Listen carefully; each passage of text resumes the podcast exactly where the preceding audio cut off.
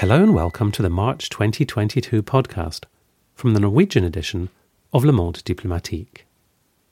My name is George Miller, and my guest in this programme is Anne Cécile Robert, who's director of Le Monde Diplomatique's international editions. Anne Cécile has an article in this month's paper, co written with her colleague on the editorial team, Hélène Richard, on the West's failed sanctions policy.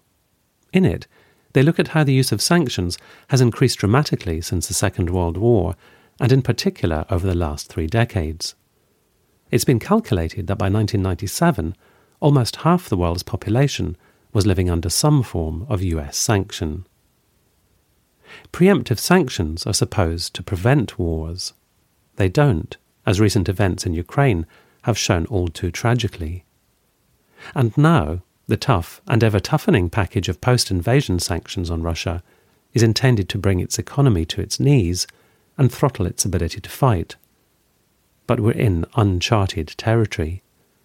Do we expect sanctions to do too much? That's what we explore in this interview. As Anne Cécile and Hélène write in their piece, sanctions existed before the 20th century. But following the horrors of the First World War, they seemed to some leaders, such as the US's President Wilson, to offer a new way of avoiding escalation. It's worth underlining, though, that Wilson didn't envisage them as a soft option. In a speech in 1919, he said, Apply this economic, peaceful, silent, deadly remedy, and there will be no need for force. It is a terrible remedy. It does not cost a life outside the nation boycotted, but it brings a pressure upon the nation which, in my judgment, no modern nation could resist.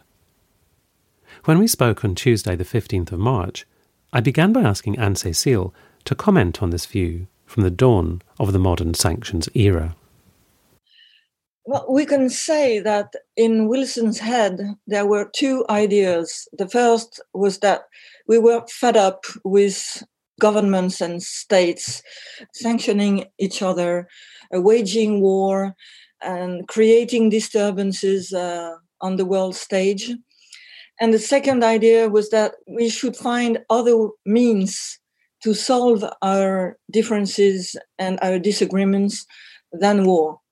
So Wilson came up with this idea that maybe organizing sanctions uh, internationally could be a way of policing international relations. So he he wanted to um, end wars by finding another way of interacting and for states to deal with their uh, conflicts and disagreements.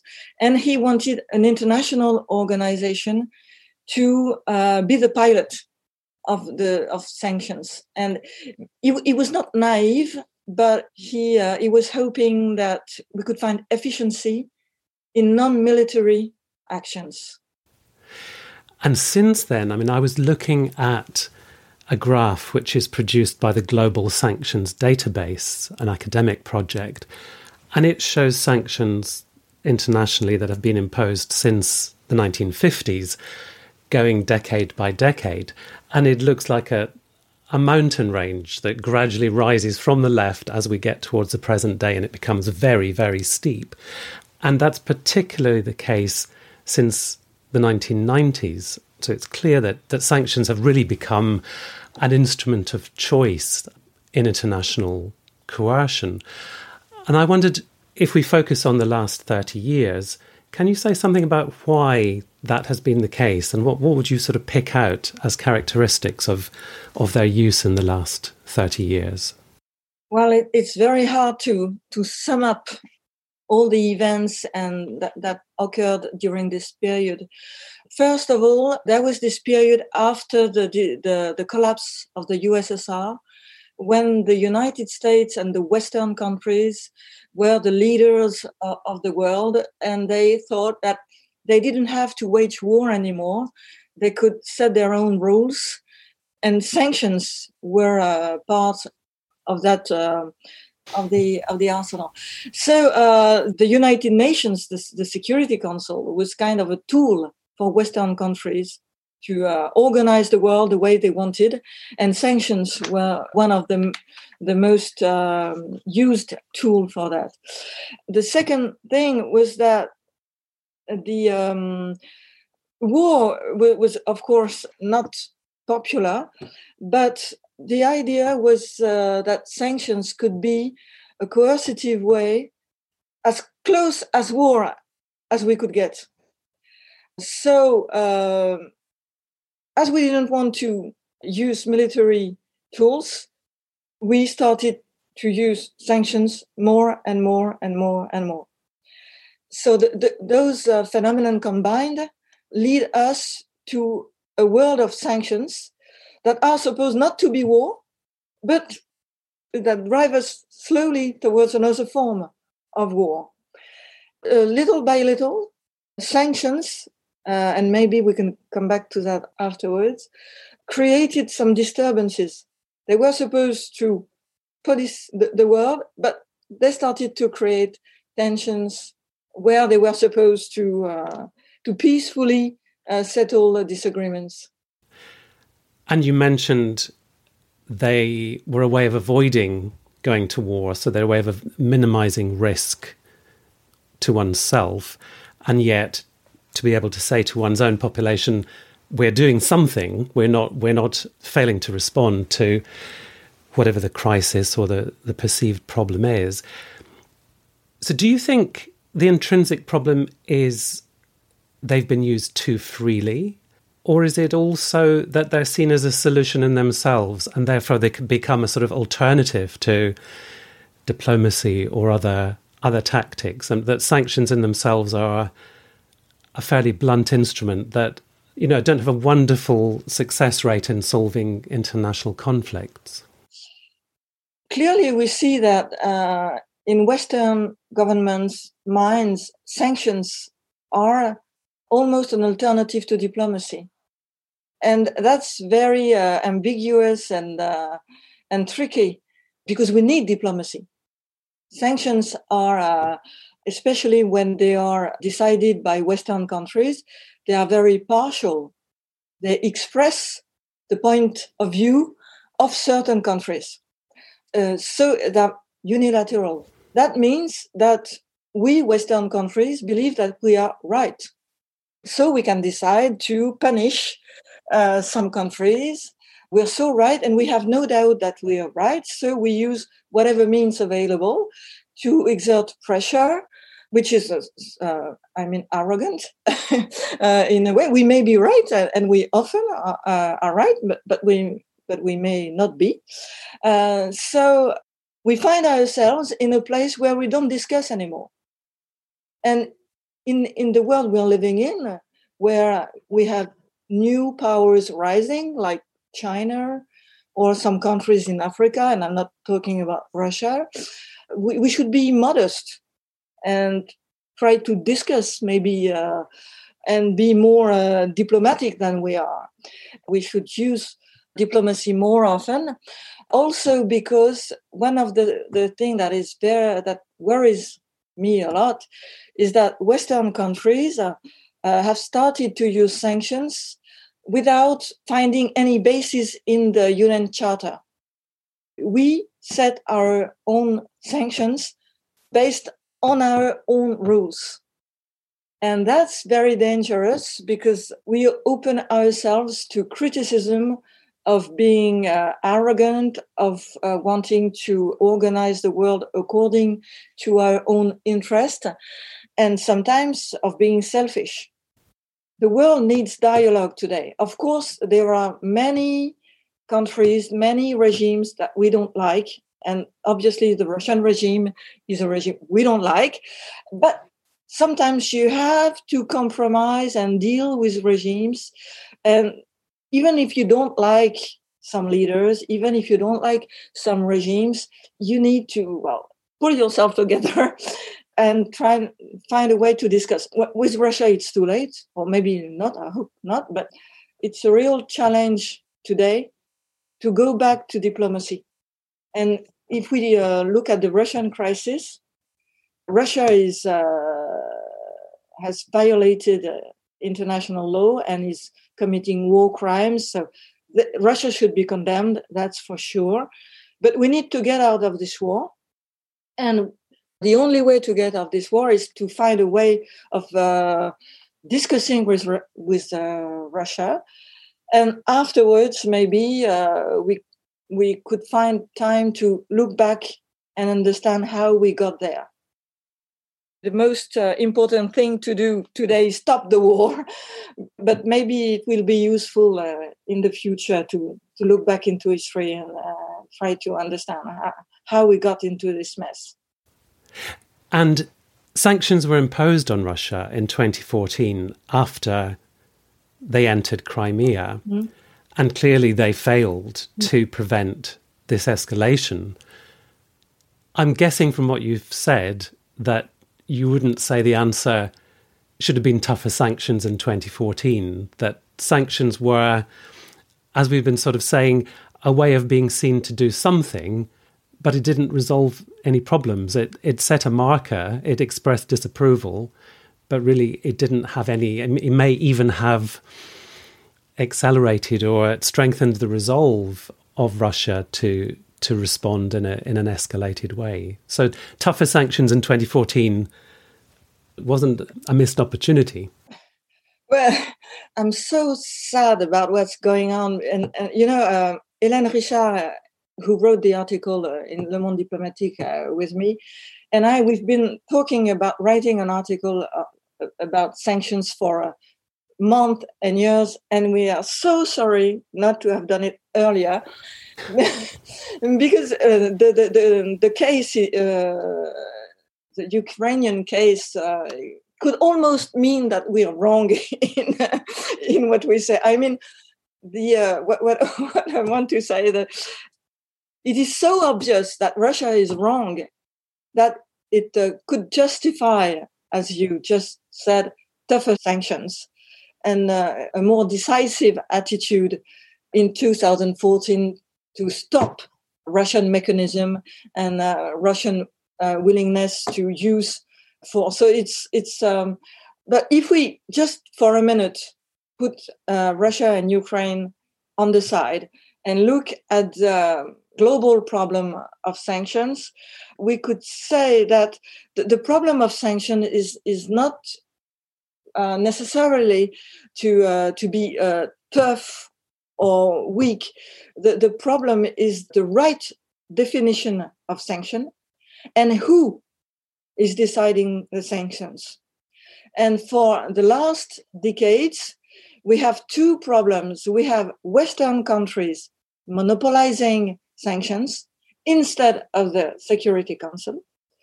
Uh, so the legitimacy of sanction is questionable. And the second problem is the, the reasons why Western countries use sanctions are not always, as we uh, started to say earlier, based on the UN Charter. I mean, we uh, Western countries decide sanctions, for example, to punish an, a non democratic regime or violations of human rights. Of course, defending democracy and fighting for human rights is a good idea. But imposing sanctions and organizing the world according to that is questionable because any country can blame another country for violating human rights. The Chinese and the Russians who violate uh, human rights every day often say to the Americans, but well, we are ready to discuss human rights when you you have settled the black problems in the united states. And you know and they they bring pictures of black lives matter. And and when france talks about human rights to china china said do you want us to talk about what you are doing in africa? So nobody is really the white savior uh, and perfect uh, in this. That's what what i meant when i said well we should be we Western countries more uh, modest. But to come back, I don't want to avoid the question I don't like about Ukraine and and, uh, and Russia. My uneasiness comes from the fact that I believe that the, the Russian government has good arguments at the start. I mean, when Russia says, I'm worried for my security, I'm worried because I see that NATO is coming forward and is almost close to my own borders and is all i can almost see uh, nato from my window. That's something we could have uh, listened to. And when the russian government took over crimea he was wrong. He can't do that. It's a flagrant uh, violation of international law. But we created the problem when in the first place because we didn't listen to Russia's security concern. So I don't know if sanctions, tough sanctions or weak sanctions, were the appropriate answer to the question uh, the, the Russian government was uh, was asking. We should have uh, organized an international conference on security matters in Europe. And we could have done that in the General Assembly of the United Nations or in Europe, I don't know, the Council of Europe, uh, I don't know. There are many uh, fora where we could have organized this discussion without being naive. We know what Putin wants, of course. He's not an angel, and he, he has made, he has made uh, clear that he is a nostalgic of the Soviet Empire. So we know what he's getting at. He dreams of, uh, I don't know, Poland and the the Central European countries uh, leaving NATO and being some uh, Finland's, you know, uh, we can't grant him that, of course. But I think we should we should have uh, have uh, organized a big discussion with a lot of diplomats from a lot of countries to see that uh, we could find um, a settlement or some answers to Russia's Security Council. Because, uh, as one uh, former French ambassador said, even dictatorships have legitimate security concerns. I don't believe that uh, Ukraine is uh, a, good example to put uh, sanctions under the microscope. I think we, we are talking about diplomacy, history, security. It's broader, much broader than uh, than sanctions. I did want to ask you, maybe we can sort of generalize this point about the perverse effects that sanctions can have, the undesired, undesirable effects. I was thinking about the the bond that developed between Mussolini's Italy and Nazi Germany in the 30s after Italy was sanctioned when it in, invaded, occupied Abyssinia. And there's been a lot of talk about what the effect on Russia will be of the current unprecedented level of sanctions on it, such as strengthening Putin at home, increasing authoritarianism, and of course, maybe the, the big one in terms of the, the geopolitical map is a stronger bond between China and Russia. But can I ask you to, to either to take that question in, in a very big sense, a bigger historical sense, or to focus on on the immediate question, but sanctions can have undesirable and un- unexpected effects, can't they? Uh, once again, it's a very tricky question because since 1998, when we evaluated the effects of the embargo that the UN Security Council have decided on Iraq, we came to the conclusion that it was so unfair, so unfair because it, uh, the population, I mean, average civilians and average Iraqi were suffering the most, while upper classes and uh, government people didn't uh, suffer any any of the consequences of the embargo. So that's when we decided to change the regime, the sanctions uh, regime, and we started to talk about smart sanctions, targeted sanctions. Targeted sa- sanctions were supposed to be fairer uh, because, uh, for example, we we draw lists of government people, uh, police officials, uh, military uh, generals, and all that. So, since 1998, sanctions are supposed are supposed to be wiser and fairer, but the truth is they are not. because even when you uh, you target important officials, the people suffer because important people, by definition, they lead things.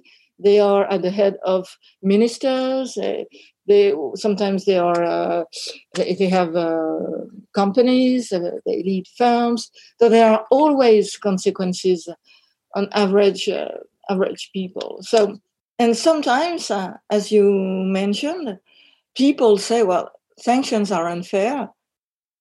And we are targeted because our leader is courageous. So let's stick with him. Let's support him. And uh, during the, the last decade, it, it was the case in Sudan, in Kenya, in many African countries.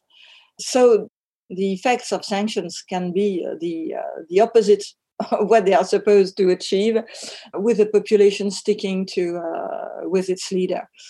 But sometimes sometimes sanctions work. We should remember that uh, uh, sanctions against apartheid, South Africa, were very efficient, and the uh, the ANC and Nelson Mandela himself were in favor of sanctions uh, Desmond Tutu, uh, Bishop Desmond Tutu, advocated in favor of sanctions, even if average South African and Black people suffered from uh, sanctions. The sanctions against Libya, when the Gaddafi was in power, uh, were a success. If you remember, uh, Libya had uh, supported terrorist groups and uh, didn't want to cooperate with the, with the United Nations uh, investigations. And uh, the Security Council decided sanctions, and the sanctions were tough enough or efficient enough to oblige Gaddafi to recognize the, to recognize his responsibility uh, in the attacks and cooperate with uh, international investigations. So sometimes sanctions work. Anne Cécile, you mentioned a moment ago this sort of um, identification of the people with the leader and the fact that the people suffer, even if the people may not be responsible for the actions of the leader. And I wanted to finish today with a quotation I read from the American historian Nicholas Mulder, who's just published a book on, on sanctions, the history of sanctions.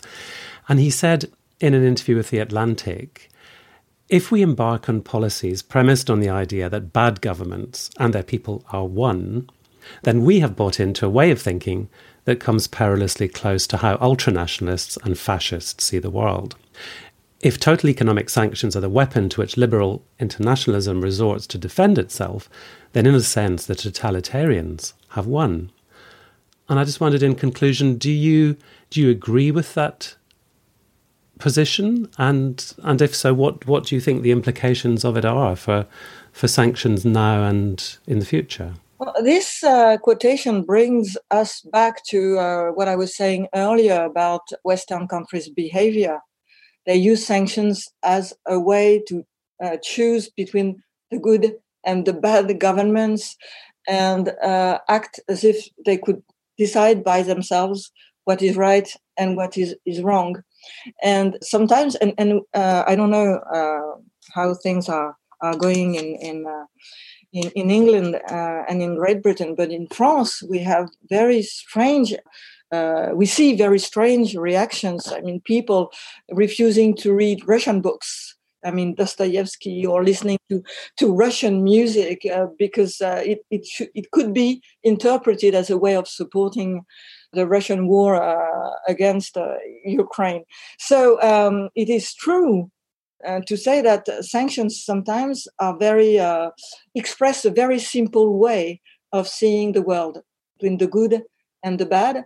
So at the end, you don't make a difference between the people and its government, and and that's always a, a defeat because most of the time people keep their own mind that their government uh, make decisions most of the time people have their own idea and and their own way of uh, seeing things and it's probably the case in russia i was speaking to anne cecile robert whose article co-written with her colleague hélène richard on the West's failed sanctions policy is in the March 2022 edition of Le Monde Diplomatique in Norwegian. The latest edition of the paper is available to our subscribers and also on sale on newsstands across Norway and Denmark. Subscribers can also access it and the complete archive of the paper online at www.lmd.no.